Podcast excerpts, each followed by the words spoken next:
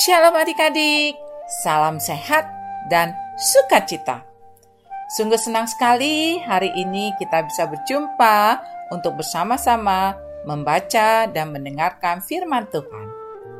Hari ini kita akan belajar dari Matius 13 ayat 47 sampai 52. Adik-adik sudah siap ya?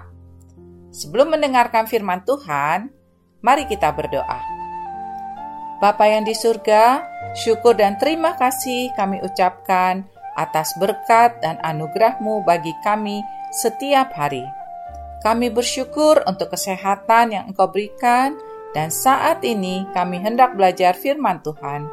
Kiranya Engkau terangi hati dan pikiran kami agar kami dapat mengerti. Dalam nama Tuhan Yesus kami berdoa. Amin. Matius 13 ayat 47 sampai 52. Demikian pula hal kerajaan sorga itu seumpama pukat yang dilabuhkan di laut, lalu mengumpulkan berbagai-bagai jenis ikan. Setelah penuh, pukat itu pun diseret orang ke pantai. Lalu duduklah mereka dan mengumpulkan ikan yang baik ke dalam pasu dan ikan yang tidak baik mereka buang. Demikianlah juga pada akhir zaman. Malaikat-malaikat akan datang memisahkan orang jahat dan orang benar.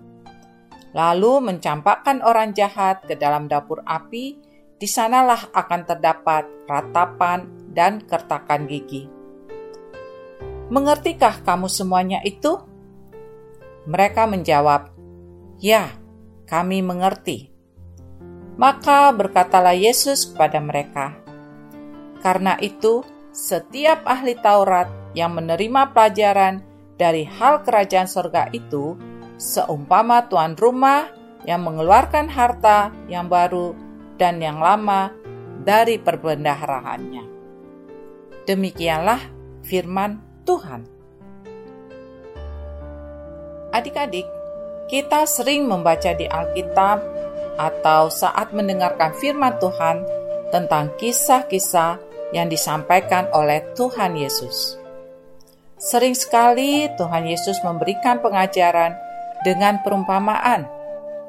Seperti firman Tuhan yang sudah kita baca tadi, Yesus menceritakan tentang kerajaan surga dengan perumpamaan nelayan yang mencari ikan menggunakan pukat ikan-ikan yang diperoleh dipilih. Yang baik dimasukkan ke pasu dan yang tidak baik dibuang. Maksudnya adalah Allah akan memisahkan orang jahat dan orang benar. Orang benar akan masuk surga dan orang jahat akan masuk dapur api. Kenapa sih Tuhan Yesus mengajar murid-muridnya dan orang banyak melalui perumpamaan? Ada tiga alasan mengapa Tuhan Yesus sering menggunakan perumpamaan ketika mengajar orang lain. Yuk, kita dengarkan baik-baik ya. Yang pertama, untuk menarik perhatian orang. Dengan menggunakan perumpamaan, Tuhan Yesus ingin menarik perhatian orang lain tentang apa yang diajarkannya. Dengan perumpamaan, orang yang tertarik akan penasaran dengan makna di balik perumpamaan tersebut. Sama seperti kalau adik-adik diajar oleh guru dengan soal cerita. Pasti adik-adik lebih tertarik memperhatikan, bukan? Yang kedua, Tuhan Yesus ingin melihat reaksi orang yang diajar. Dengan perumpamaan, Tuhan Yesus juga ingin melihat siapa yang mau mendengarkan ajarannya dan siapa yang tidak orang yang mau mendengarkan ajarannya akan menyimak lebih lanjut penjelasan Tuhan Yesus tentang perumpamaan. Sedangkan jika orang yang tidak tertarik mungkin akan cuek atau bahkan pergi meninggalkan Tuhan Yesus. Yang ketiga, lebih mudah diingat.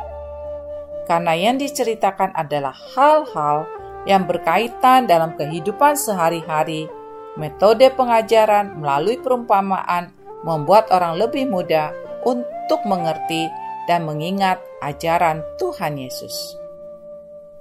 Nah, seperti murid dan orang banyak yang senang mendengarkan ajaran Tuhan Yesus melalui perumpamaan, adik-adik juga tentu senang mendengarkan cerita tentang Tuhan Yesus dan mau melakukan dalam hidup adik-adik dengan lebih sering membaca dan mendengarkan firman Tuhan. Sehingga adik-adik dapat berkata, Aku senang mendengarkan ajaran Tuhan Yesus. Demikianlah renungan firman Tuhan hari ini.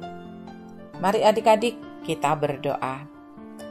Bapa di surga, ajar kami untuk selalu membaca firman Tuhan dan melakukan ajaran Tuhan. Dalam nama Tuhan Yesus, kami berdoa. Amin. Sampai berjumpa lagi adik-adik. Tuhan Yesus memberkati.